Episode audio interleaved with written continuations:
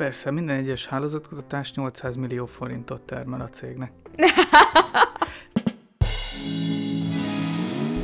Ez itt az Alvin Open Source Podcast, az Alvin alulról szerveződő projektje, melyben megidézzük a Covid előtti, kávégép mellett lefolytatott beszélgetéseink hangulatát. Szó lesz a munkatársaink karrierútjairól, személyes történeteiről, hobbiairól és a munkahelyi kultúránkról. Gyere, ülj le közénk! Sziasztok, üdvözlök mindenkit az Open Source Podcast legújabb adásában. Ma is egy izgalmas és trendi témát hoztunk nektek, de előtte köszönteném állandó műsorvezető társamat Székely a a stúdióban. Sziasztok! És a vendégünket, Vicsek Andrást. Sziasztok! Köszönjük, hogy elfogadtad a meghívásunkat. Én köszönöm, hogy meghívtatok. És akkor, hogy a témát egy kicsit felvezessem, Andrásról beszélnék egy picit. András a Maven 7 társalapítója, kutató, szervezetfejlesztési tanácsadó, erős változásmenedzsmentben és csapatfejlesztésben szerzett tapasztalattal, és a Maven 7 online szervezeti hálózat elemző eszközéről és ennek kapcsán tapasztalatokról fogunk beszélgetni. Ez az Org Mapper. András nyugodtan szólj közben, ha valamit rosszul mondanék. És, és ezekben a témákban fogunk egy kicsit kutakodni és kérdezni tőle. András, egyáltalán hogy jött neked ez az egész, hogy kezdődött ez a, a OrgMapper hálózatkutatás téma, hogy kerültél te ebbe bele? Hát egyébként egy elég érdekes történet, személyes történet kapcsolódik hozzá. Még nagyjából ilyen 2004 környékén járunk, amikor egy, egy kis ilyen szervezetfejlesztő tanácsadó cégnél dolgoztam, és ott volt egy olyan munkánk, hogy az egyik biztosító társaság volt kíváncsi arra, hogy az értékesítői mennyire működnek együtt, osztanak meg tudást egymással, és abban az időben volt egy nagyon kezdetleges szoftver, ami annyit tudott csinálni, hogy egy szociometriai felmérést egy kérdőíven keresztül le lehetett rajta futtatni, és akkor ilyen nagyon csúnya fekete-fehér ábrákat tudott csinálni, ami abban az időben nagyon menőnek számított egyébként. Nagyon sokan nem tudják egyébként, hogy hogy az, hogy Magyarországon a szociometria, mint, mint szó, az sokak számára ismert. Az, Igen, nekem is a tanárképzésből. Na pontosan ez, már erre akartam pont utalni, hogy ez ez abból adódik, hogy volt egy Mérei Ferenc nevű pszichológus, aki zseniálisan felismerte, hogy ha valaki gyerekekkel és gyerekcsoportokkal fog foglalkozni, akkor nem ártana, ha ismerné azt az ilyen farkas törvényes dinamikát, ami, ami ott zajlik. Tehát, hogy kik azok a gyerekek, akik mondjuk így kiszorulnak a perifériára, lehet, hogy éppen bullying áldozatai, vagy kik azok a hangadók, akik meghatározzák a csoport légkört, vagy milyen ilyen versengő klikkek vannak. És emiatt 70-es évektől kezdve a pedagógus képzésbe beletvíve ez a módszer, hogy hálózatosan elemezünk csoportokat, és ez alapján segítsük a csoportot jobbá, jobb légkört. Így van, közösséget kialakítani. Úgyhogy ez a hallgatóknak is ismerős lehet még annak idején az, az osztályteremből akár, nem? Hogy az osztályfőnök behozta a kérdőívet, és akkor te kivel barátkozol, kihez fordulsz, a bajod van.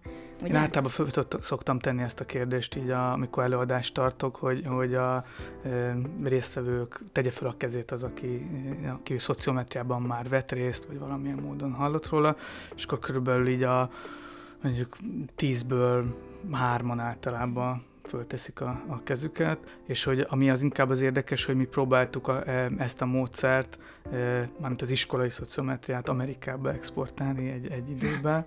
E, senki nem is hallott róla. Tényleg, tehát ott nem csinálják. De nem csak Amerikában, sehol a világban a pedagógus képzésben lévők, tehát akik, akik ilyen social emotional learning témákban vannak szakma, szakértőként benne, nem is hallottak róla. Tehát azért mondom, hogy ez, ez egy magyar sajátosság. Wow. Akkor büszkék lehetünk erre is. Abszolút. És akkor ez volt az egyik dolog, ami ebbe így, így, így, bejött.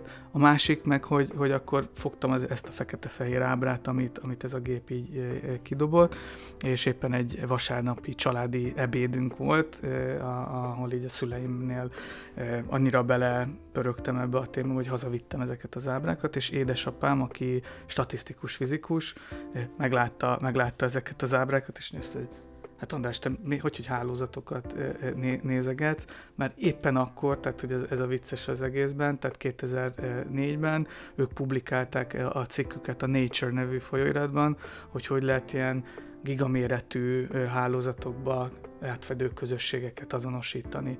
Tehát őket nem az érdekelt, hogy mondjuk egy szervezetbe hogy lehet optimalizálni a, a, a távmunkát, hanem mondjuk csak annyi, hogy, hogy hogy lehet egy olyan univerzális szabályt megfejteni, amivel minden hálózatra érvényes.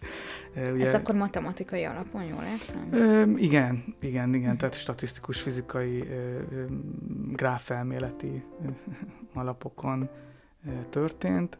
És akkor tök véletlen így Egyszerre ugyanazzal kezd, igen, hogy, hogy éppen ugyanabba vagyunk benne. Nekem nincs meg a megfelelő módszerem arra, hogy, hogy nagy szervezeteknél ezt a kis csoportos módszertant Erre már nem volt jó az a szoftver? Á, nem, tehát az, az nagyjából ugye ilyen 20-30 főnél így, uh-huh. így mhm. megáll. Másrészt ugye az nem kezeli azt, hogy egy szervezetben van a formális hálózat uh-huh. meg a csoportok, tehát hogy vannak a marketing, sales, uh-huh. különféle csoportok, fejlesztők, plusz vannak a hierarchia szintek, és ugye ezeket, az pont attól érdekes, hogy amikor a, a formális meg az informális hálózatot egymásra vetíted, és azt nézed, hogy hol tér el a kettő, uh-huh. Hát ez tényleg nagyon érdekes. És lehet. akkor ezzel foglalkoztak, hogy ezt felderítsétek a egyiket, másikat, és akkor látjátok az eltéréseket? Ez része a, a, annak, amit csinálunk, de jellemzően inkább arra fókuszálunk, hogy, hogy a, mert a formális az, az jellemzően az, az, az, a, az a szervezeti uh-huh. diagram. Tehát az ki reporting line-ok ki kinek. Az org chart. Az org chart. Uh-huh. E, és akkor viszont a, a, az informális szervezeti diagramról meg nincs információ, azért leginkább arra fókuszálunk, hogy, hogy, hogy azt föltárjuk, és akkor persze, hogy lehet kiegészíteni a kettőt. Nem azért, direkt azért nem akartam azt mondani, hogy, hogy a, arra fókuszálunk, hogy a kettő közti eltérést emeljük ki, mert uh-huh. nem gondolom, hogy mindig ez a, a, a megoldás. Sokszor emiatt félnek a módszertől, azért nem szeretek erről ezt így, így hangsúlyozni, mert hogy a, a, a vezetők akkor azt gondolják, hogy jaj, most akkor az informális a, a fontosabb, vagy nekem az informális hálózatban is nagyon kiemelkedőnek kell lennem ahhoz, hogy én jó vezető legyek. És ez nem feltétlenül van így. Tényleg? Hát csak Mert én meg azt érzem, hogy nem, nem látnak minket a hallgatók, de az én mhm. arcom inkább az volt, hogy hát jó lenne.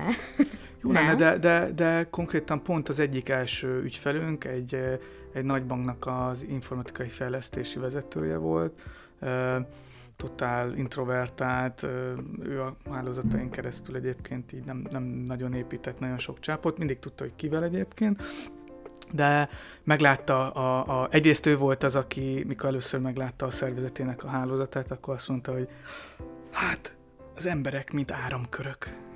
oh, hát ezt már innentől értem, tök jó, most már, most már értem, hogy mi történik a szervezetben, mert egy megfoghatóvá vált valami, ami neki egy ilyen lebegő, megfoghatatlan buborék volt. E, és akkor a másik, amit látott, az az, hogy neki egyébként nem volt kapcsolata a, a középvezetőivel. És akkor itt jön az, hogy, hogy mondjuk egy diagnosztikai módszer, mint amit mit csinálunk, és a tanácsadás, az, az hogyan kapcsolódik össze, és hogy miért van szükség mindkettőre, mert ő egy picit elkezdett saját maga egyébként elindulni, és mi csak annyit hallottunk a középvezetőktől, hogy féltek, nem tudom mi van, de elkezdett ez a vezető minket behívni az irodájába, és ilyen nagyon furcsa kérdéseket tesz föl. és mi van a kutyáddal? És így a te, semmiből a Semmiből, igen. Mert ő azt olvast, hogy akkor ilyen személyes kapcsolatot úgy építünk. És ebben is tudtok segíteni, hogy akkor e, És akkor ebben nem mi, hanem e, e, uh-huh. ehhez vannak partnereink, uh-huh. tanácsadók, akik, tehát mi, a mi, mi együttműködésünket úgy kell elképzelni, mint az orvos, a diagnosztikai, emeri készülék szolgáltató és az orvos, tehát hogy mi szolgáltatjuk azt a pontos információt, ami alapján tényleg megtervezhető precízebben, pontosabban egy, egy beavatkozás, de ha igazából az, az, az információ bekerül egy fiókba, akkor semmi hmm. nem fog Tehát ezzel tovább kell menni nyilván. Azzal tovább. És ez, ez sokszor egyébként ez, ez egy ilyen gátja ennek a történetnek, hogy nagyon szexi a téma, hálózatok, meg, meg ugye meg adatalapú, adat. azt akartam, adatalapú, meg algoritmusok, és akkor csináljuk meg, és akkor megcsináljuk, és akkor hát nem változott semmi.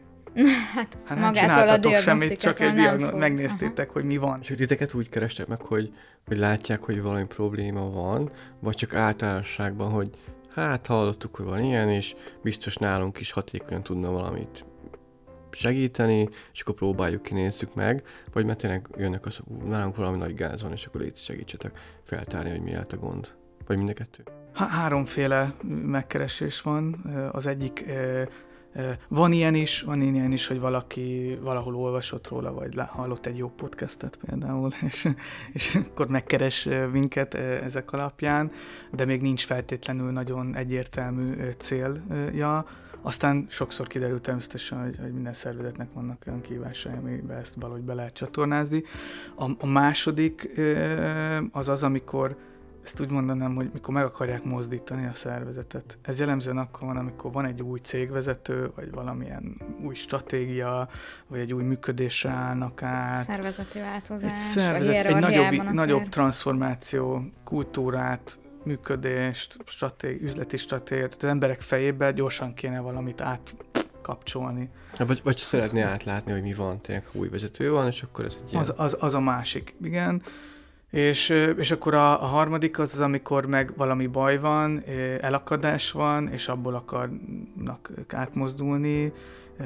Egy példa mondjuk, a, a, amikor volt olyan, ahol, ahol egy ilyen új vállalatirányítási rendszer bevezetés kapcsán nagyon röviden ezt elmesélem ezt a sztorit, mert ez talán így akkor az egész módszer, hogy hogy épül egy félmondba, azt így, így egyértelműsíteni.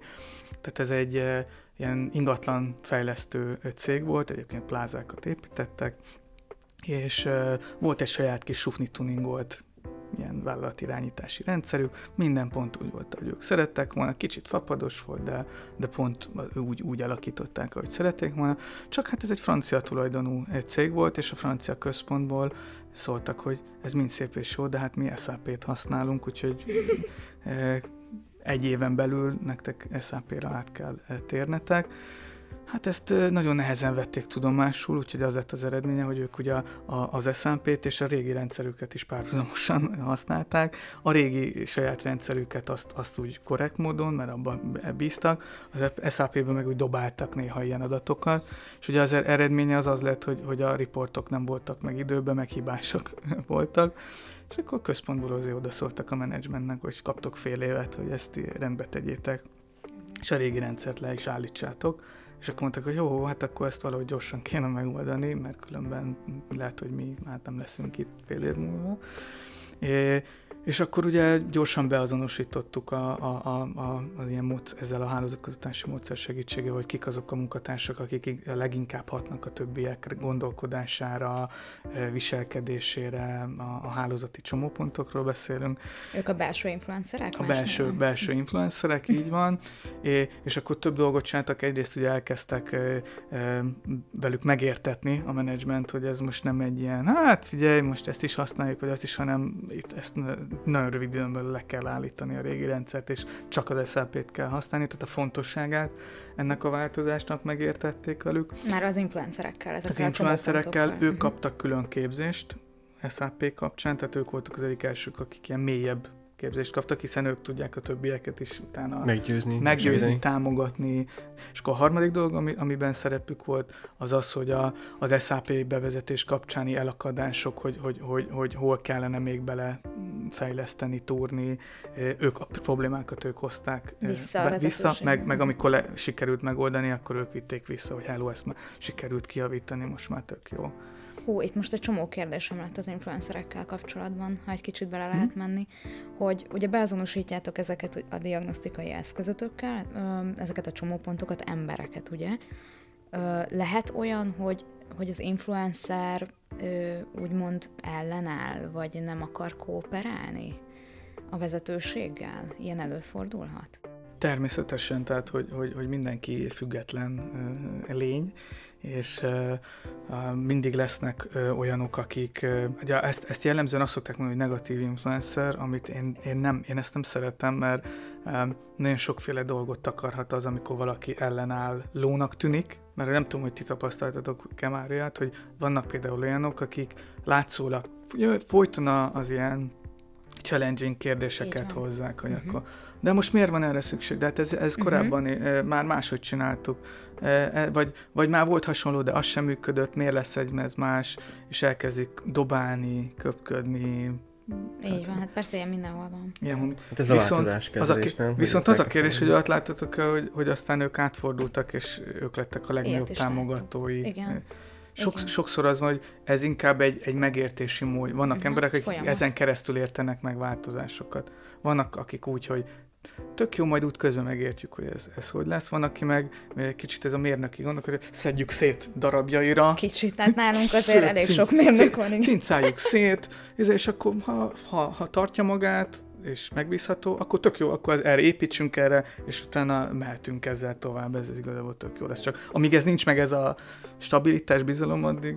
Meg nem látja én, én a második top típus vagyok, mert, mert ha megértem, akkor sokkal könnyebb már meg el, elfogadni is egyből megvan, mert, mert így csak kapsz egy valamit, mint ilyen a, az ukász, hogy na, direktív, akkor ez van, és akkor így kicsit olyan, olyan merev az egész, viszont uh, úgy, úgy nehéz, hogy elveszel benne, így nem te vagy, hanem, hanem mész parancsra teszed a dolgodat. És de hogyha hogy, valaki, hogy... akire felnézel a cégben, vagy jó kapcsolatod van vele, a kollégák közül ő adja át ezt neked, ő mondja, hogy így kéne csinálni? Ez nem személyfüggő, hanem pont olyan is mondta, hogy ha megérted, hogy mit miért van, mi a célja, mit miért csinálunk benne, nem csak azt látod, hogy ezt kell csinálni, hanem látod, hogy igen, ja, hogyha ezt így megcsináljuk, akkor ennek ez meg ez lesz a pozitív, pozitív hozadéka, akkor már szívesebben kezded el csinálni. Uh-huh. Vagy az, amikor saját bőrömet tapasztalom, és akkor így, ja, hát jó, akkor ezt kell csinálni. Uh-huh. Tehát, hogy tapasztalat is egy olyan dolog, hogy segíti a megértést. Nekünk egyébként a személyes történet is a CTO-nkkal volt, ez, ez, ez, ez valahogy úgy lezajlott nálunk, hogy eleinte nem tudom, hallgatsz Dani, de hogy én nekem is nehéz volt, hogy mindig azt éreztem, hogy, hogy igazából mondjuk, hogy akkor mi lesz, meg hogy lesz, és akkor folyton jöttek a kérdések, meg hogy, hogy ez akkor már volt, nem így volt, nem lesz jó, és aztán rájöttem, hogy igazából hogyha még két vagy három kérdést megválaszolok, és igazából nem, nem került akkora e- energiával, akkor utána tényleg ő is tökre mhm, át, átkapcsol, és megvan, megvan a bájén, és azután az így tök jól működik is. Annyi, hogy akkor azt, azt, azt, azt, azt érteni kell, hogy még, még plusz két kérdést, azt, azt meg kell válaszolni. Igen, mert ha nem érted, hogy miért kell csinálni, akkor miért csinálom? Tehát, hogy ez inkább az ellenállásnak a tárgya, hogy nem tudod miért. Igen, igen, és egyre inkább ilyen generációk jönnek egyébként, mert hogy azért valljuk be, hogy az idősebb generációnál ezt nem mindig kellett magyarázni, tehát hogy valahogy ugye a mm. társadalom is egy kicsit más volt, könnyebben megcsinálták, ami fentről jövő ukász volt, hogy Tomit idézzem. Most már azért szerintem az egyre fiatalabbaknak egyre inkább kell majd magyarázni, nem is baj, hogy, hogy ezt miért csináljuk. És...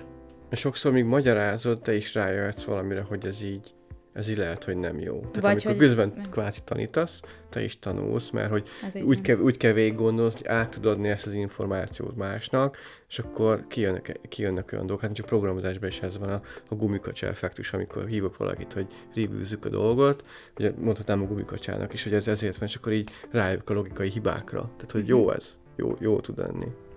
Az merült még fel bennem, a, ugye a tanulmányaim a tanárképzés során, hogy ugye a szociometria az anonimitást igényel, jól emlékszem? Tehát, hogy a... Hát... Igazából ez, ez ilyen becsapós, mert nem tud anonim lenni uh-huh. a, a kitöltés része, hiszen akkor nem tudunk hálózat. Ha nem tudjuk, ki, kitöltötte ki és kit jelölt, uh-huh akkor onnantól a hálózati adat Igen. nem tud létrejönni. Igen, és ez merült fel bennem, hogy akkor egy szervezetben ezt hogy, hogy tudod uh-huh. átvinni, hogy, hogy ne legyenek kétségek, hogy ebb, nem üti meg a bokáját azzal, amit válaszol, nem lesz ebből backlash a karrierjére nézve, tehát hogy ez, ez például hogy tud működni? Hát az biztos, hogy sokkal erőteljesebb előzetes kommunikációt igényel, mint mondjuk egy sima elégedettségfelmérés. Uh-huh. Mm mi egyébként ezt úgy kezeljük, hogy, hogy amit egyébként nagyjából a GDPR mond, azokkal mi alapból is így, így egyetértettünk. Először nagyon megijedtünk, hogy mikor bejött a GDPR, hogy úristen, hát végül is... Kidobhatjátok a terméket. Nagyjából így ez így ennyi, Uh-huh. Aztán rájöttünk, hogy tulajdonképpen mi eddig is már nagyjából GDPR compliant módon csináltuk a dolgokat.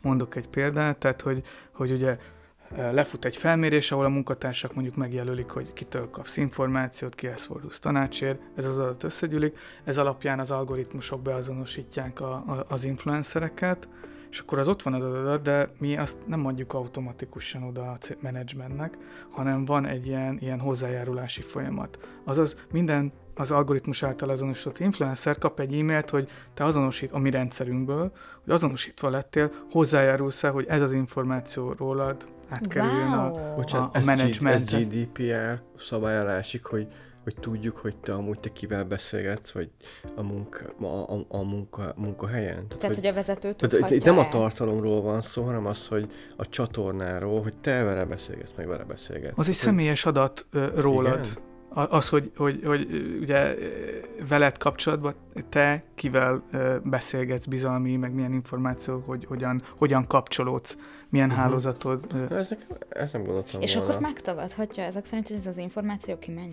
Megtagadhatja, az a jó hír, hogy, hogy mi, mi, mi e, éppen ezért egyébként, főleg minél nagyobb a szervezet, egy kis csoportban a, szo- a szociometriának hívnám. Én most már, amit mit csinálok, nem is, nem is nevezem szociometriának. Kis csoportban nincs értelme nevek nélkül csinálni mondjuk egy ilyen 20 fős csoportba, vagy jellemzően ezt még régen ilyen menedzsmenten belül csináltuk, hogy nagyon össze kellett rakni egy, akár egy projektcsapatot, vagy egy menedzsment csapatot. Ott az a, az a lényeg, hogy a, a x két ember között ott van-e kapcsolat, vagy, vagy nincs, vagy tudnak együttműködni, vagy nem, van-e tudásmegosztás, vagy nincs, akkor azon lehet javítani, és ez, itt, itt az a fontos, hogy ezt viszont előzetesen mindenkinek tudnia kell, hogy ott lesznek a nevei, hogy fog ez a hálózat kijönni, kijöhet az, hogy ő periférián van, uh-huh. és utána ezt mindenkinek azt kell mondani, hogy oké, okay, értjük, ennek ellenére mind a 20 azt mondjuk, hogy ezt így csináljuk. Uh-huh. Most egy nagyvállalatnál ezt a, ezt a buy ilyen minden full nevekkel, ezt nem, nem lehet egyébként elérni, ezért is van az, hogy mi már nem is mutogatunk neveket, főleg, főleg már ilyen száz fő körül, e, már az, hogy a, a, a Pisti, a Jóskával és a nem tudom kivel konkrétan kapcsolódik-e, úgyse ez, a, ez, a, ez, a, ez az érdekes, hogy konkrét kapcsolatok személyek között megvannak-e, hanem már inkább az, hogy a, a, a fejlesztők, a, a marketinggel és Aha, a... tehát a departmentek közti. Így van, uh-huh. Vannak-e silók, új, új csapatok mennyire integrálódtak, és kik, az, kik azok a kurzcsomópontok, akik, akik egyébként leginkább hatnak a többiek gondolkodására. Ez viszont egy, egy pozitív információ róluk, tehát a jó hír az az, hogy amikor kérjük ezt a hozzájárulást, kb. 90% egyébként ezt meg is adja, tehát van egy ilyen alapfélelem, hogy ja, úristen, még hozzájárulást is kell kérni, akkor mi lesz, hát nem fogják elfogadni. Hát miért ne fogadnák el? Hát egy tök pozitív információ róluk. Uh-huh. Én most vagyok ebben a nem megértés állapotában. Uh-huh. Tehát, hogyha a csapatomból megkérdem az egyik másikat is, hogy te kikkel tartasz ugye a munkáján, tehát most a munkával uh-huh. kapcsolatban, te kivel kommunikálsz, akkor azt hogy elmondja nekem, hát tegyük hogy elmondja, akkor azt nem mondhatnám tovább egy másik csapatvezetőnek, hogy azt látom, hogy mit tudom én, az A emberem, a te A embereddel gyakor, nagyon szoros kapcsolatban. Hát ha te személyesen neked elmondja, akkor tudja azt, hogy te valószínűleg ezt tovább mondhatod. Hát de... Az nem egy adat, ami egy rendszerbe le van zárva. Hát de ezt ha leírom. Hanem, hanem az, az, az, egy olyan helyre kerül, tehát az olyan, mint hogyha tudomás, mintha előtte te aláírattál volna valamit, hogy tudomásul veszi, hogy te ezt továbbadhatod, hiszen az egyértelmű, hogy te továbbadhatod. De mi a különbség a között, hogyha én kérdezem ezt tőle, vagy az én megbízásomból te kérdezed tőle. Pont ez, hogy, hogy te, az, amikor neked mondja el, akkor tudja, hogy te ezt tovább, nem, nem irat alá, te, te, te se iratsz alá vele semmit, meg ő se ír alá semmit, hogy te ezt nem fogod továbbadni, tehát ha ezt el, lehet, hogy nem mondja el neked. Uh-huh. Hát azt tudja csinálni, hogy bocs, ezt nem mondom el. És az ugyanaz, tehát végül is. Kontrollálni, ő kontrollálja. Az, a, mindig a kontroll a kérdés, hogy ő tudja ezt szabályozni, hogy, hogy, hogy ki mit tud uh-huh. magáról. És ez az utólagos hozzájárulás kérdés egyébként azért fontos, és itt csúsznak el szerintem sokan, eh, hogy eh, egy, egy kérdőív eh, elején, főleg egy ilyen új módszernál fogalmuk sincs, hogy mi az az eredmény, amire ő, ő, ő igen mond. És egyébként GDPR-ban ez a nehéz, és ez szerintem a jó is, hogy, hogy komolyabban veszi azt, hogy, hogy, hogy amikor döntünk arról, hogy, hogy mi, mi, milyen ö, adatunkkal mi történik, akkor tisztában kéne lenne velünk azzal, hogy mi, milyen adatról beszélünk, és ki, ki mit fog abból látni. Nem egy teljesen általános ö, helyzetbe meg. És ugye az, hogy én mondjuk influencer vagyok, ez amíg még nem zajlott le a felmérés, az addig nem fog kiderülni, és nem is, nem is értem, nem, nem is fogom megérteni, hogy az egész ezt jelentheti. Meg hát nem is biztos, hogy pont ez a, a célja ennek az egész felmérésnek, mert ugye ez, ez van az én kérdésem, hogy, hogy ahogy is fogalmaztát, illetve ti adtok egy ilyen ö, információt, amiben van doki majd felejtje a diagnózist, ti, ti felméritek a terepet, és akkor ebből nem tudom mi a tapasztalat, hogy mi, milyen döntések születnek. Tényleg csak arra használják, hogy ezeket a belső influencereket keressék meg, vagy, vagy a departmentek közötti mhm. kapcsolatokat keressék meg. Tehát ez nagyon széles körön föl lehet használni. Tehát ez nem kimondtan lehet az influencer keresés a célja. Igen. Csak nem ahol nem az, influ- az influencerek, akkor úgy egyszerűsítem, az influencerek az a része ennek az egész folyamatnak, ahol nevesítve vannak uh-huh. a, mhm. a munkatársak, az érzékeny, azt így kezeljük. Az összes többi, ott meg nem a nevek az érdekesek, az meg ugye minden átadható, tehát ott nem kell külön eh, uh-huh. rá hozzájárulást kérni, hogy azt megmutathatjuk, hogy a marketing és a sales és a, a, a fejlesztők hogyan kapcsolódnak egymáshoz. Uh, hogy inkább használnám itt ezt a, ezt a csomópontot az influencer helyett, mert mert az influencernek ugye van egy, van, van, van, egy, van, egy, van egy, nem, az, nem, van egy feladata, hogy ő, ő, ő más embereknek elmondja, meggyőzi őket, befolyásolja őket. De, de hogy nektek itt akkor csak csomópont az mindig fontos, és akkor valaki majd kezd vele valamit, vagy csak általában a kapcsolatok feltárása, ami, ami mondjuk sok esetben a célja.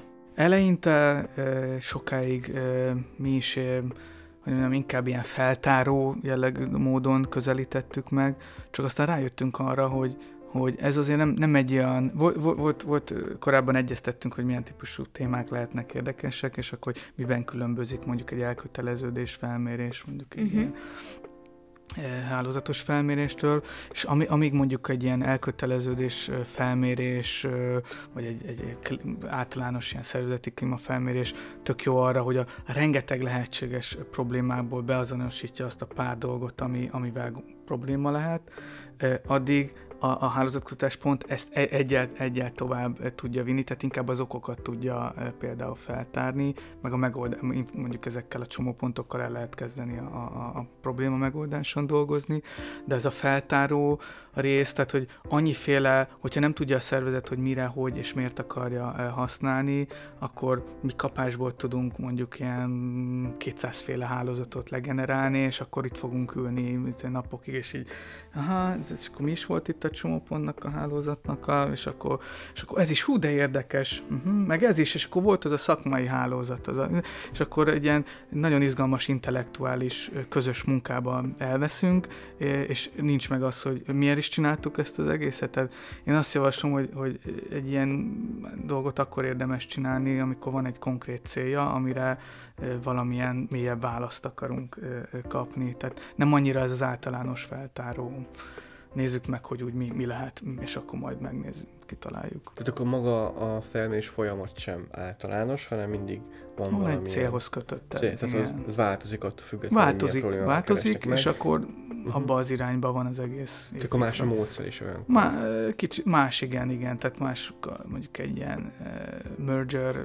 ilyen cégegyesülések kapcsán kíváncsiak, hogy mennyire integrálódtak a, a munkatársak, uh, más uh, mondjuk egy digitális transformációnál, hogy mondjuk az adott területek, amiknek részt kell ebbe venni, az IT meg a többi az, hogy, hogy működik együtt, más, más egy kultúraváltás kapcsán, ami, ami ilyen outputok az érdekesek. Csak akkor mindig azért van, van, megvan már az, hogy nagyjából mit akarunk az egészből uh-huh. csinálni. Jó, ezt csak azért kérdezem, hogy akik hallgatnak, hogy, uh-huh. hogy ez nem az, hogy van egy tök általános kérdéssor, és akkor az kitölt, és akkor abból olyan, olyan riportot generáltok, vagy olyan algoritmust futtatok rajta, ami éppen kell, hanem ott már az elején tudni kell, hogy, hogy mi a cél az egész felmérésnek, mert akkor ahhoz igazítjátok a kérdéssort, és akkor azon hát ezek standard, standardek, de nagy adott problémákra Igen. vannak kitalálva, uh-huh. így van. Igen. Egyébként az, hogy a Covid-dal sokan, sok cég átállt így a távmunkára vagy hibrid munkavégzésre, ez befolyásolhatja például ezeket a hálózatokat? Van olyan példátok, hogy egy adott céggel előtte is csináltatok ilyen hálózatkutatást meg Covid után vagy évekre rá, és hogy ehhez köthető változás állt be a hálózatban? Igen, mi, nekünk is van olyan ö, ügyfelünk, ahol, mert többféle módszertannal lehet egyébként a hálózatokat feltérképezni, van, a, van ez a szociometriai kérdőíves, ahol, ahol kvázi rákérdezünk a kapcsolatokra, de hát ugye rengeteg adat keletkezik a cégen belül arról, hogy a kollégák hogy kommunikálnak egymással, e-mailezés, Teams. naptár meghívók, Teams, mindenféle, stb. És az egyik, egyik ügyfelünk a, a, a PVC Angliában, és akkor ott náluk az, a, a probléma igazából abból adódott, hogy van öt tanácsadói területük, és, és nincs keresztértékesítés. Tehát aki az adózási területen van, és hallja, hogy az ügyfelénél, mondjuk a Coca-Cola-nál valamilyen szervezeti átalakítás van, az a tanácsadói területet nem, hív, nem hívja oda, hogy hello, hát itt egy tök jó Aha. Értékesítési lehetőség, és uh-huh. gyertek. És hát ez, ez hatalmas ilyen potenciál kiesés nekik nyilvánvalóan.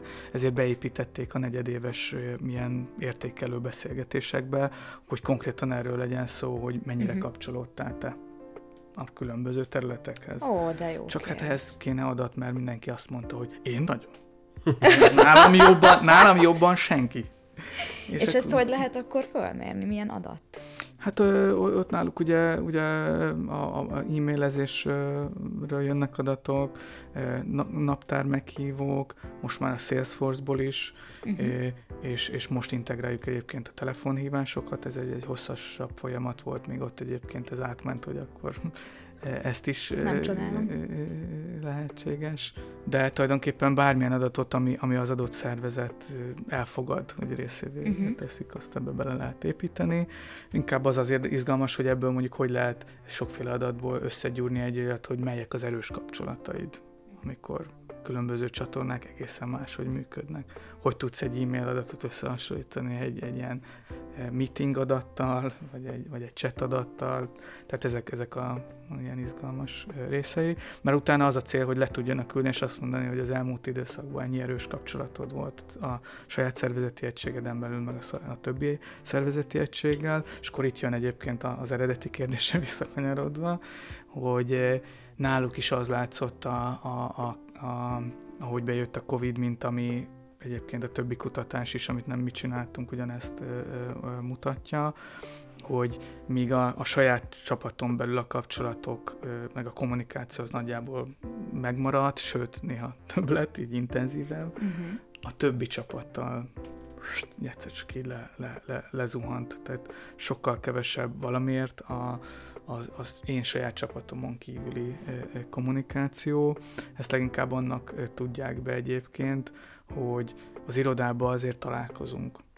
Hát igen. Folyosón, konyhába, és az még informális, tehát csak beszélgetünk, és akkor te mivel mind dolgozol, és akkor kiderül, hogy valami tök izgalmas dolgom. és akkor figyelj, akkor beszéljünk már erről és akkor már is napra meghívva, már is e-mail, és, és, és ezek kiestek. Hát igen, ezért. És, és nem ezt, tudom, ezt nem tudjátok mérni, csak maximum időivel. Mit? Hát, hogy ki, hogy a szóbeli kommunikáció. Azt, azt, azt, azt nem látjuk, hogy a szóbeli, de azt látjuk, hogy, a, hogy, a, hogy kiesik a, a, a, a többi része. Igen. Tehát ami utána ez az e-mailes, igen, és, és ugye az a kérdés, hogy, hogy, hogy, hogy ez ugye ennek mi a hatása mondjuk egy szervezetre, nem tudom, hogy az mennyire Szóval mit gondoltok ti, hogy, hogy mi, mibe csapódhat le az, hogyha ezek az ilyen spontánabb, más tudásterületek, más csapatokkal való kapcsolatok nem jönnek annyira gyakran létre. Hát nem áramlik úgy az információ. Hát még elszigetelődsz. Igen, siló működés, és az, hogy akár ellen dolgoznak területek egymásnak, tehát akár sales marketinggel szembe, tehát mást kommunikál a marketing, mást kommunikál a sales, egy ügyfél megbeszélésen, itt teljesen más imidzset alakítanak ki a cégről akár, vagy más irányba indulnak el.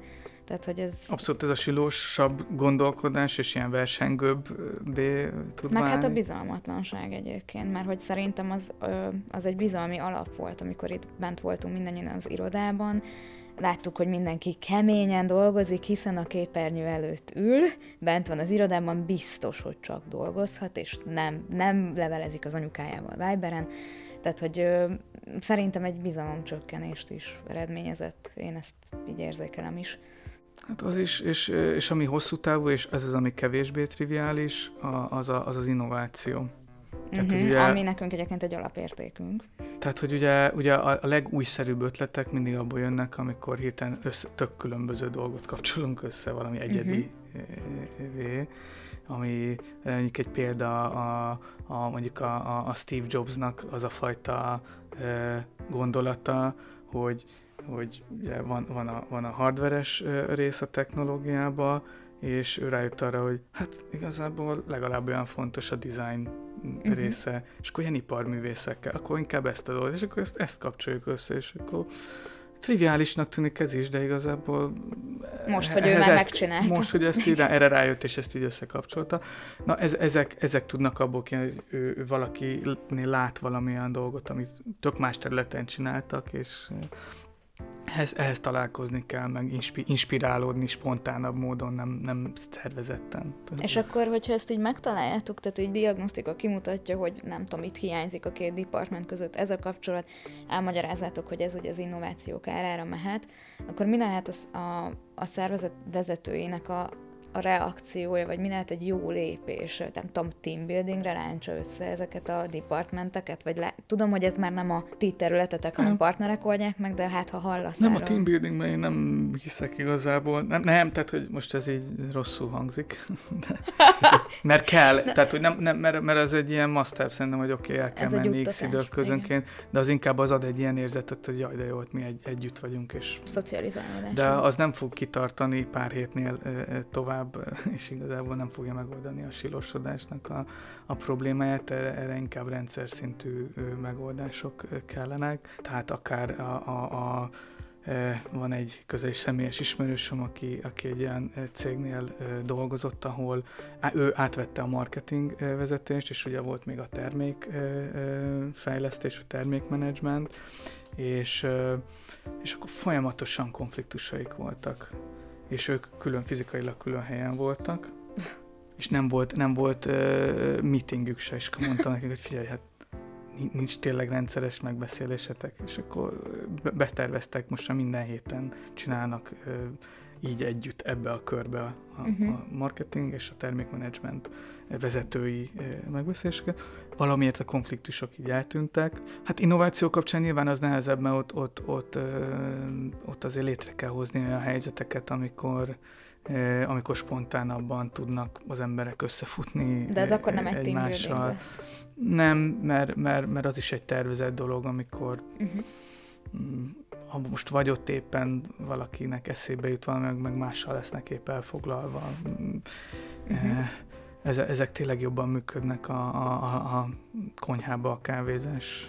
De akkor ez egy új szervezeti ja, kihívás, hogy ezeket a, ezeket a pontokat reprodukáljuk, hogy ezeket a szituációkat valahogy reprodukáljuk az online térben úgy, hogy mi is ugye, nem tudom, van, aki Nyíregyházán dolgozik, na, van, aki és akkor meg kell teremteni ezeket Na, és akkor mondok, mondok nem? egyet, na, egyszerűen döbbenet, hogy, a, hogy már mindenre, ami, ami ilyen problémák fogalmazódik, milyen, milyen gyorsan jön létre valamilyen Válasz. technológia, valami startup. Tehát most van van egy partnerünk, akivel úgy néz ki, hogy most pont itt a PVC-nél is együtt fogunk dolgozni. Ők annyit csinálnak, hogy nagy vállalatnál, tehát nyilván nem tudom én 20 fő esetén, hanem ahol már több száz fő van, vagy inkább több ezer, összemecselnek embereket, akik nem ismerték egymást, az alapján, hogy közös érdeklődési köröd van, személyes érdeklődési, meg szakmai érdeklődési köröd van. És, és, és, és, és van egy felett, ahol így nagyon egyszerűen tudnak egy meetinget leszervezni, ez a, ez a plusz funkció, meg, meg a meeting... Feldobja nekik a ennyi, rendszer, ez, ez olyan, mint hogy ti, nektek jó Tinder, ez egy vállalati olyan, Tinder. Olyan, mint ajánló a közös érdeklődés, meg tudás alapján. Igen. Amit De, begyújtottak a de ezt úgy kell fel, elkezdeni, hogy feldobja a monitoron a rendszer, hogy uh, most neked jó lenne beszélgetni a kis Pistával a termékfejlesztésről, mert hogy... Kapsz egy e-mailt, igen, amiben így, így benne van, és akkor ott kattints ide, és akkor is tudod szervezni. Tehát, hogy az, az ez egész a folyamatot... ismerős ajánlás. Igen, igen, ezt, ez kb. az. Aha, aha. Nálunk van ez a kimondhatatlan nevű... GTK-OB? Igen, igen. Aha, a Get to Know Each Other Better. Igen, ahol igen, mi azt, azt találták ki a HR-es a HR-ben, hogy tényleg így randomra jönnek létre csoportok. Szobák, És akkor igen, team szobák, uh-huh. vagy éppen ha személyesen volt, akkor, akkor úgy. És akkor, és akkor van egy feladat, vagy egy téma, amiről uh-huh. beszélgessünk, és akkor mondjuk el végén többieknek, na, hogy mire jutottunk. Igen, Na, ez, ez hasonló. Így. Itt ugye ők annyival viszik egyáltalán, hogy akkor próbálják a közös érdeklődést De ez nem, nem a klikkesedést, vagy a sírósodást segíti elő ilyen téren? Nem, mert, mert a szervezet különböző részei, tehát azért nagyon más személyiségű, tudású Aha. emberek, sőt, itt, itt, ahogy mi bejöttünk ebbe a sztoriba, az az, hogy, hogy ha látjuk azt, hogy melyik csapatok között vannak a, a, a silók, akkor azt is azért az ajánlásnál jó lenne figyelembe venni. Tehát ja, ne csak az egyéni, ne, ne totál random, hanem, hanem akkor már inkább azokat kössük össze, mert ahol eleve tök erős uh-huh. kapcsolatok vannak, akkor nagyon sokat Hú, nem tudunk hozzáadni, hanem uh. azonosítsuk a sorokat, és akkor ott kössük, ott hozzuk létre ezeket ez a hidakat, és akkor még, a, még az érdeklődés mentén, és akkor... Mennyire, mennyire gyakori, hogy túl kevés vagy túl sok csomópontot azonosítottak egy ilyen felmérés során. Igazából ez nekünk erre megvan egy standard ö, módszer, ami a, a hálózatokon belül, ugye az egyik társalapítónk, a Barabás Albert László, aki a, a hálózatok skála függetlenségét, mint fogalmat hozta be, és akkor az ugye a, a, a, ott is a Pareto elv, ami, ami az egész mögött áll, és ennek az egyik mondandója a hálózatok esetén, az az, hogy a, csomópontoknak a 20%-a az összes kapcsolat 80%-át fogja birtokolni. Emiatt, hogyha beazonosítjuk a, a 20%-át a csomópontoknak, azzal szint, olyan szinten látjuk a, a meghatározott csomópontokat, hogy ennél már jobban már nem kell. Tehát mi mindig a 20%-ot azonosítjuk be, a cég nem mindig ö, hívja meg egyébként ilyen változásmenedzsment programokban mind a 20%-ot, tehát mindig van egyfajta szűrés, de, de mi alapvetően már eleve így, így indulunk, hogy ezt a 20%-ra lövünk. Há, igazából csak azért kérdeztem, mert hát volt fejlesztőként nekem is azok a dolgok érdekesek, amik nem triviálisak, amikkel foglalkozni kell. Hogyha mondjuk valami változás van a cégen belül, és ha mondjuk tényleg túl kevés az a csomópont, az influencer, aki nem tud úgy mindenkire hatással lenni, vagy éppen túl sok, mert akkor ugyanaz, hogy mindenkit egyszerre kéne meggyőzni. Szóval voltak-e ilyenek, volt-e már ilyen erre példa? Esetek? Ezek ilyen extrém esetek, igen. Hát pff, ez még annyira azért nem fordult elő, mert mindig vala, valamiért Ki talán azért, amiatt, mert, mert, mert tényleg az emberek is ilyen, ilyen a kollektív viselkedés általános szabályosságai szerint hasonló Aha, hálózatokat igen, ép, épülnek ki. Egyébként édesapámnak az egyik, még a hálózatok után azt egyet tovább vitte, és kvázi a hierarchiát kezdte elnézni a, a, a közösségekben. És, és ugye erről szól az más egyik könyve, hogy, hogy miért, miért hierarchiákban élünk.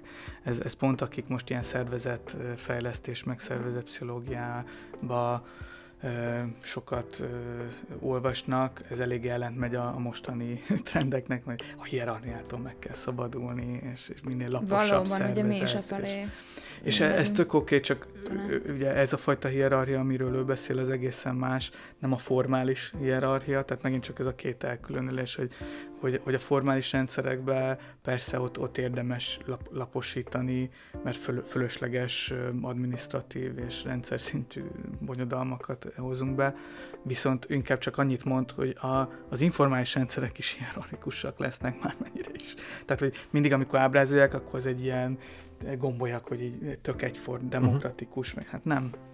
Az igazság az, hogy az informális rendszerek is valamilyen szinten hierarchikusak lesznek, azért, mert tudások mások, illetve ugyanaz, amit a Barabási Laci nak a modellje mögött áll ez a, úgy hívják, hogy preferential attachment, tehát hogy ennek az a lényege, hogy ha egy adott közösség nulláról elkezd fölépülni, mondjuk egy koktélparti, ugye azt, azt lehet legjobban elképzelni, elindul egy parti, mondjuk senki nem ismer senkit, vegyük úgy, ez nem így szokott lenni, de, de vegyük ezt, lenni. modellezni szeretnek ugye a fizikusok, tehát belép, belép valaki, és akkor ott vannak már százan, és akkor egyszer csak valakik valakikhez oda mennek, akkor ott már két ember beszélget, akkor egyszer csak valaki meglátja, hogy ott már ketten vannak, biztos valami érdekes dologról beszélnek, és akkor inkább oda megy, mint ahol senki senkivel uh-huh. nem mhm. beszélget, mert Tehát... nem történik semmi.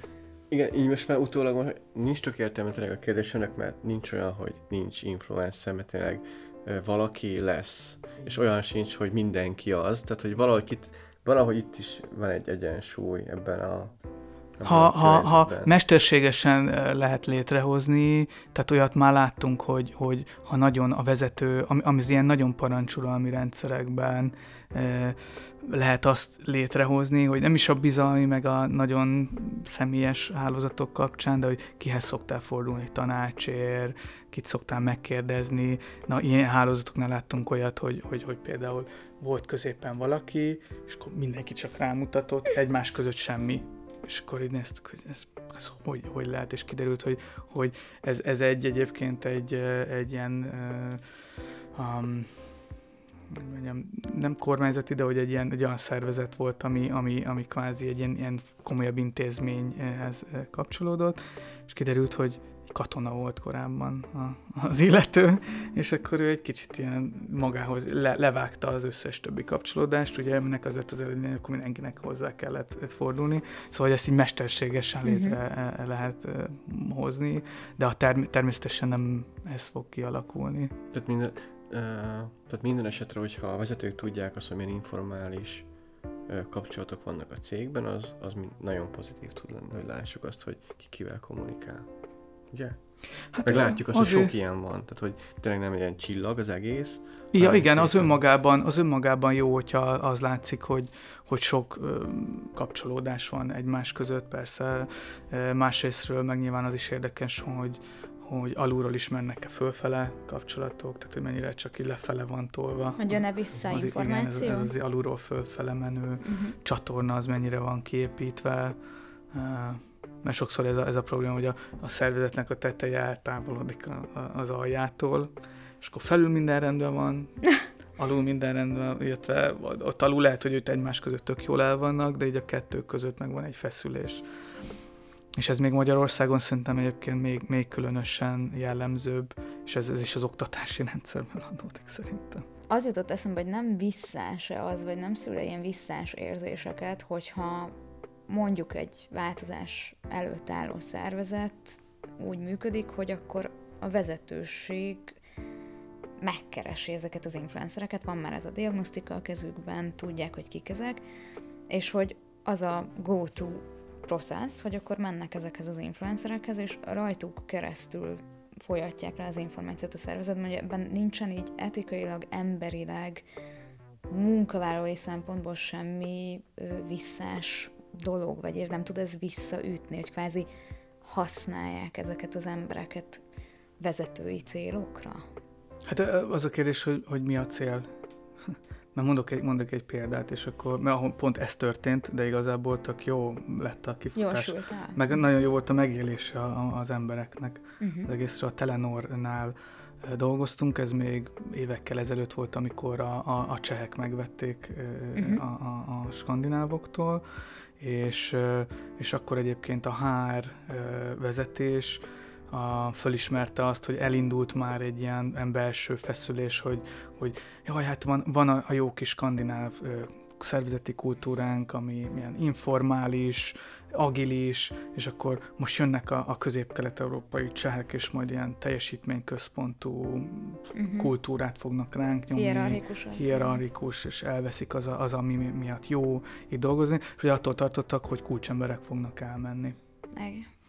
E, és, és hát akkor húha, ezt gyorsan valahogy helyre kéne e, e, rázni, beazonosítottuk a, a, a, az influencereket, létrehoztak belőlük egy, egy ilyen kis kb. 30 fős közösséget, jópofa nevet találtak neki, mert azt mondták, hogy ők a mobilizerek, ugye mobil és mobilizálnak, tehát egyébként ez is jópofa volt, és akkor ők, ők nagyon hamar elkezdtek a cseh managementtel, új felsővezetéssel találkozni, hogy ők direktbe tudják elmondani azt, hogy itt mik, milyen célok vannak, mi a stratégia, és azon túl, hogy nagyon hamar levették azt, hogy végülis tök jó vízió van, tök jó uh-huh. gondolatai, azt is nagyon hamar meglátták, hogy ezek mennyire jó arcok. Én is találkoztam egyébként ott, ott velük, és tényleg azt láttam, hogy egyébként emberileg is, meg vezetői szempontból is nagyon magas uh-huh. szinten voltak, és amiatt ez így nagyon gyorsan is terjedt. Még, abba, uh-huh. még korai fázisban meg tudták előzni Elvágták, azt a fajta ilyen plegyka áradatot, amit, amit utána már nagyon nehéz visszafordítani. Uh-huh. És, és akkor ott, ott, ott, ott tényleg a, a, az ilyen elköteleződési eredményekben, tehát attól tartottuk, hogy lemegy, ehhez képest föl, fölment nagyon határozottan. Hm. Olyakat meg tud mutatni, vagy, vagy van rá módszertek, hogy a, ha elkészül a modell, hogy lássuk azt, hogy ki az, aki inkább már eltávolodik így a, a csapattól, akire mondjuk figyelni kellene? Már hogy megjósoljanak mondjuk felmondás? Hát az, egy elég, az is egy extrémitás, de akár azt is.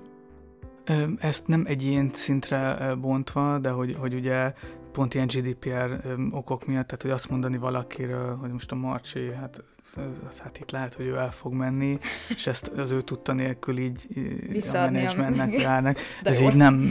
És a közvetlen vezetőnek például? Hát ott még kevésbé, tehát hogy minden, aki, mindenki a munkáltatóhoz kapcsolódóan, bármennyire is segítő, ez, ez, ez a nehézsége a GDPR-nak, hogy uh-huh. védi, nagyon a munkavállalót védi, ami végül is igen, a, a, a német logika, amerikaiaknál egyébként ugye nyilván ez föl sem, ők nem értik teljesen még a, a GDPR-be, érdekes módon egyébként már Amerikában is egyre e, nagyobb figyelem van itt a, a, az, a, az ilyen privacy dolgokon, inkább a social media. Hát ez, igazából ez a szemét védi, nem is a munkavállalót. Tehát, hogy lehetne nekem is véleményem, és a, a vezetőnek is lehetne lehet. olyan, és azt sem osztjuk meg akkor mással. Igen, de azt meg lehet osztani, hogy jellemzően, a, tehát hogy milyen, milyen ö, területekről készülnek felmondani, vagy van elégedetlenség? Milyen, milyen, milyen, milyen, milyen tulajdonságú munkatársak, tehát akik már legalább öt éve itt vannak a cégnél, nők, és uh, tudom én, ilyen végzettségű. Tehát, hogyha elég, eléggé egy csoportot lehet beazonosítani, nem egy egyént, akkor már úgy lehet, és akkor, akkor velük lehet interjúkat csinálni, uh-huh. vagy rájuk mint csoportra fókuszálni, csak hogy annak azért tényleg megvan a veszélye, hogyha így, így egyénileg kipécézünk embereket uh-huh. adatok alapján, bár lehetne. Egyébként meg lehet oldani, akkor tehát meg lehet mondani. Igen, azért az adatokkal nagyon sok mindent lehet, pont egyébként a, a most a, Barabási Laci, van, van egy egy, most jelent meg egy Data című könyve a Janosov Milánnak, a, a adatokat hogyan lehet sokféle dologra használni, és a Barabási Laci is ott volt a könyvbemutatón, és akkor az volt a kérdés, hogy adatokat mennyire lehet ilyen bejóslásra, előrejelzésre használni, és arra azt mondta, hogy, hogy igazából aki adatok nélkül próbál előre jelezni dolgokat, az vagy jós, vagy business consultant. Tom! Én nem az vagyok, egyik se.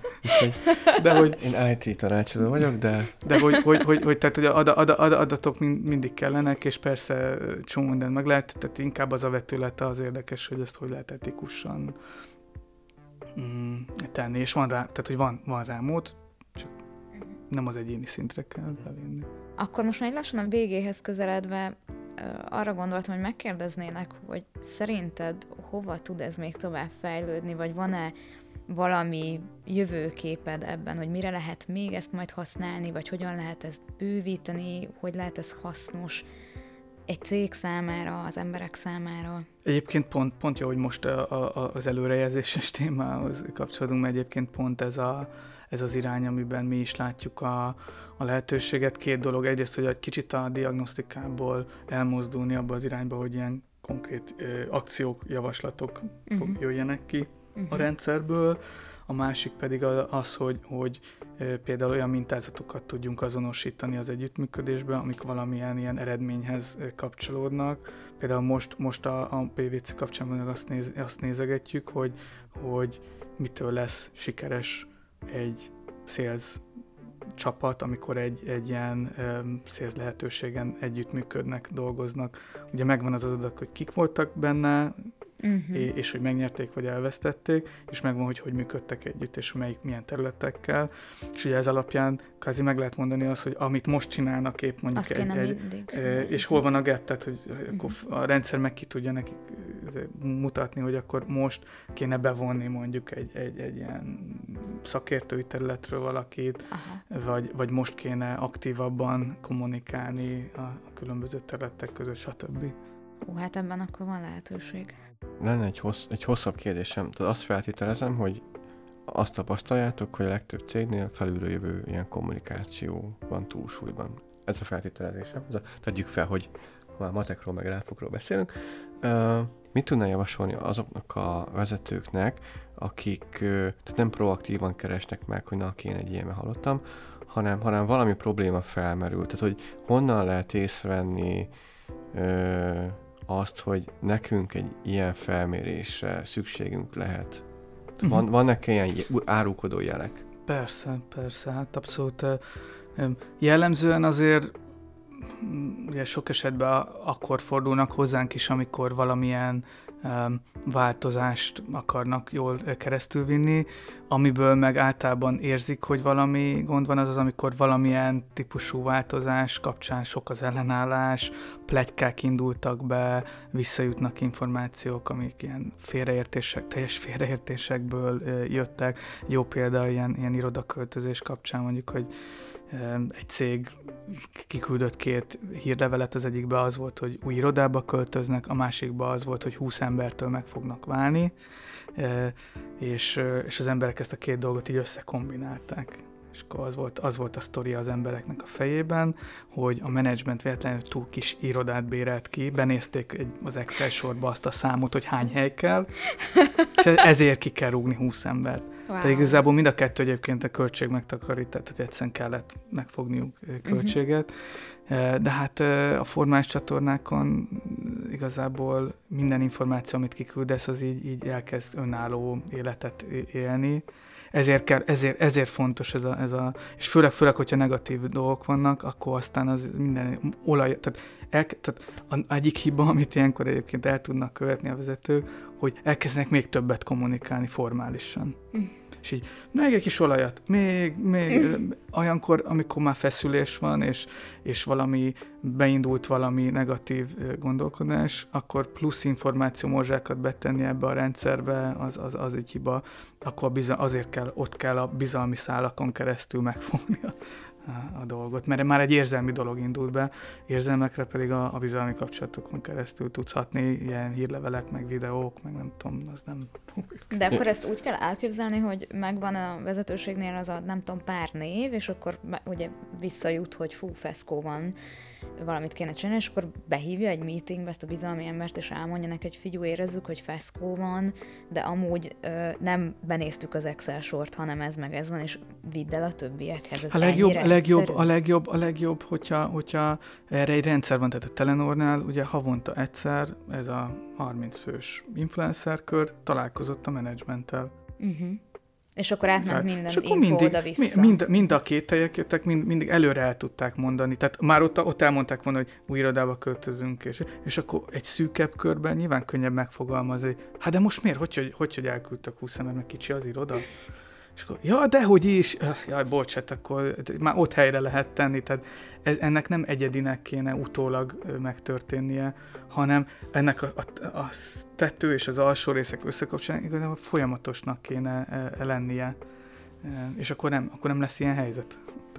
De ez egy csatorna. Vannak, akik kvázi influencerek, mert ugye vannak, nálunk ugye minden héten van egy ilyen sales gyűlés, meg az emberekről beszélgetünk ki, mi, milyen projekten fog dolgozni, új lidek jönnek be, hogy ott vannak ugye a team lidek, megkapják az információt, és akkor ezt tudják tovább vinni a csapatnak. Biztos ebben is sem száz százalék pont amiatt, mert nem közvetlen az információ. Hát meg hierarchikus szerepkör az, hogy És az az, hogy vegyül, vegyül a kettő, az, az, az igen, mert akkor neki kvázi képviselnie kell, elvárt egy szerepből jön, őt se úgy hallgatják meg, amikor ő mondja. Pontos. Tehát, hogy, hogy jobb, jobb, mintha nincs, tehát persze. Csak jobb lenne informális kapcsolatokon keresztül, vagy legalább Is. megtámogatni. Nem, tehát azért mondom, tehát, hogy nem, nem, soha nem mondom azt, hogy a formálisan nincs szükség, és a kommunikációnál is ugyanúgy van, van szükség arra, hogy, hogy legyenek tájékoztatások, meg el legyen mondva, és a hierarchián keresztül is, és emellett kell az, hogy, hogy, hogy azok az ilyen háttérben megbúvó ilyen kritikusabb kérdések, amik nem fognak előjönni sok esetben bizonyos körökben, azoknak is legyen egy, egy, egy csatornája. Nem, erre, erre volt, vagy van, volt a, a sales meg a tanácsadó csapat között is egy meeting, mert pont ezen a hétfő meetingen ugye elmondják a salesesek, hogy éppen milyen leadek vannak, meg hogy mind dolgoznak, ezek ugye időhiányában csak a fontos dolgokat mondják el, de amikor mi leülünk, akkor elmondják, hogy na itt van ez a marketingvezető, vele kell ezt beszélnünk, mert mit tudom te, meg hogy tegnap előtt elvitte a kutyát sétálni, tehát hogy sok információt megosztunk, és itt jön ki az, hogy ja, hát izért, én ismerem ennek a izét, és akkor itt tudunk hozzá menni. Tehát, hogy itt, itt jön az az inform, kvázi informális, mert ugye mégiscsak le van szervezve a meeting, mi nem a, nem a konyhába tartjuk meg, de akkor is itt, itt van az idő arra, hogy kicsit csevegjünk, de tök sok dolog kifrogja magát. Arra gondoltam, hogy azon túl, hogy nyilván befektetés egy cég részéről ezt a hálózatkutatást elkészítetni veletek, de ugye az ezt követő akciók, tehát például egy ilyen, már a Telenóról beszéltünk, ilyen mobilizer csoport létrehozása, az ő update-elésük információ, ez mind-mind befektetés, hiszen az emberek kiesnek akkor a termelésből, de nyilván munkaidőben csinálják, tehát fizetni kell őket, stb.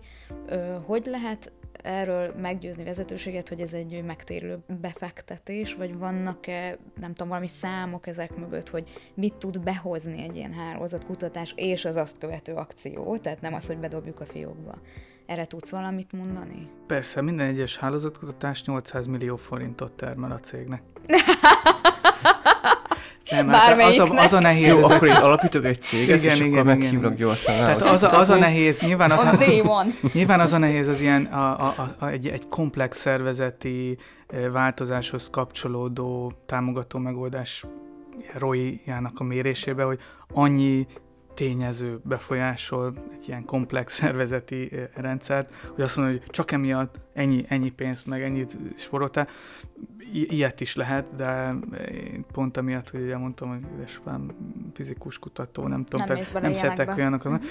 Példákat tudok mondani, és erről, be, erről beszéltünk is még a beszélgetés uh-huh. előtt, hogy ki mit bukik Tehát amikor, rajta, mondjuk, ha nem csinálja meg. Hát, hát vagy, azt, vagy, vagy azt, amikor igen, amikor 100 millióért vesznek egy új vállalatirányítási rendszert, és utána az ellenállás miatt a munkatársak ezt kiköpik a, a, a rendszerből, az egy elég nagy költség szerintem. Holott ezt meg lehetett volna akadályozni. És ezt meg lehetett volna akadályozni egy kis minimális költségért. Én azért ezt, ezt, sokszor úgy, úgy szoktam mondani, hogy kvázi ez egy humán biztosítása, a változás annak a költségnek, amit, uh-huh. amit te bármilyen változásra, és mekkora, tehát akármi, akármilyen az operációban, vagy a, bármit csinálunk, annak általában sokkal-sokkal nagyobb költsége lesz a végén és ahogy minden más biztosítunk, ezt, ezt sártana mhm. biztosítani. Uh-huh. Tehát például egy változás előtt nem igazán nice to have egy ilyen, hanem talán már egy must have kategória.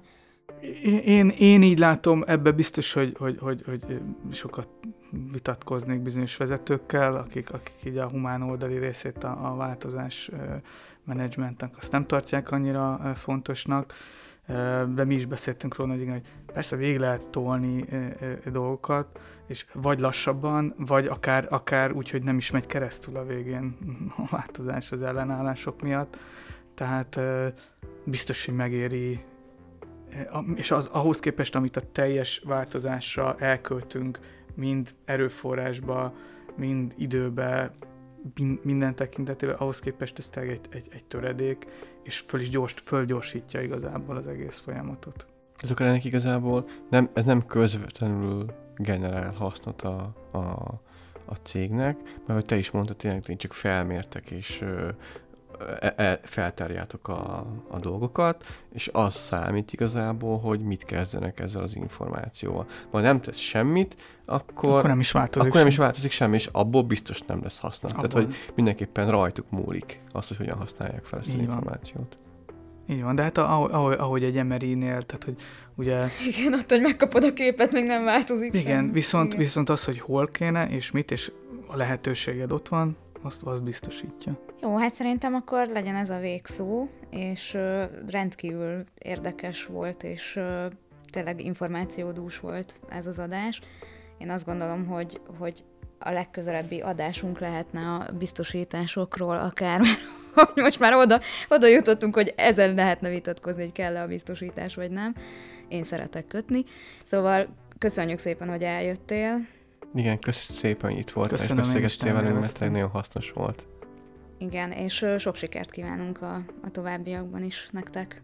Köszönöm nektek meg jó podcasteket. Köszönjük. Szépen. Igen, és a hallgatóknak köszönjük, hogy itt voltak, és velünk voltak, végighallgattak minket. Maradjatok nyitottak, és hangoljatok ránk Spotify-on és YouTube-on. Sziasztok! Sziasztok!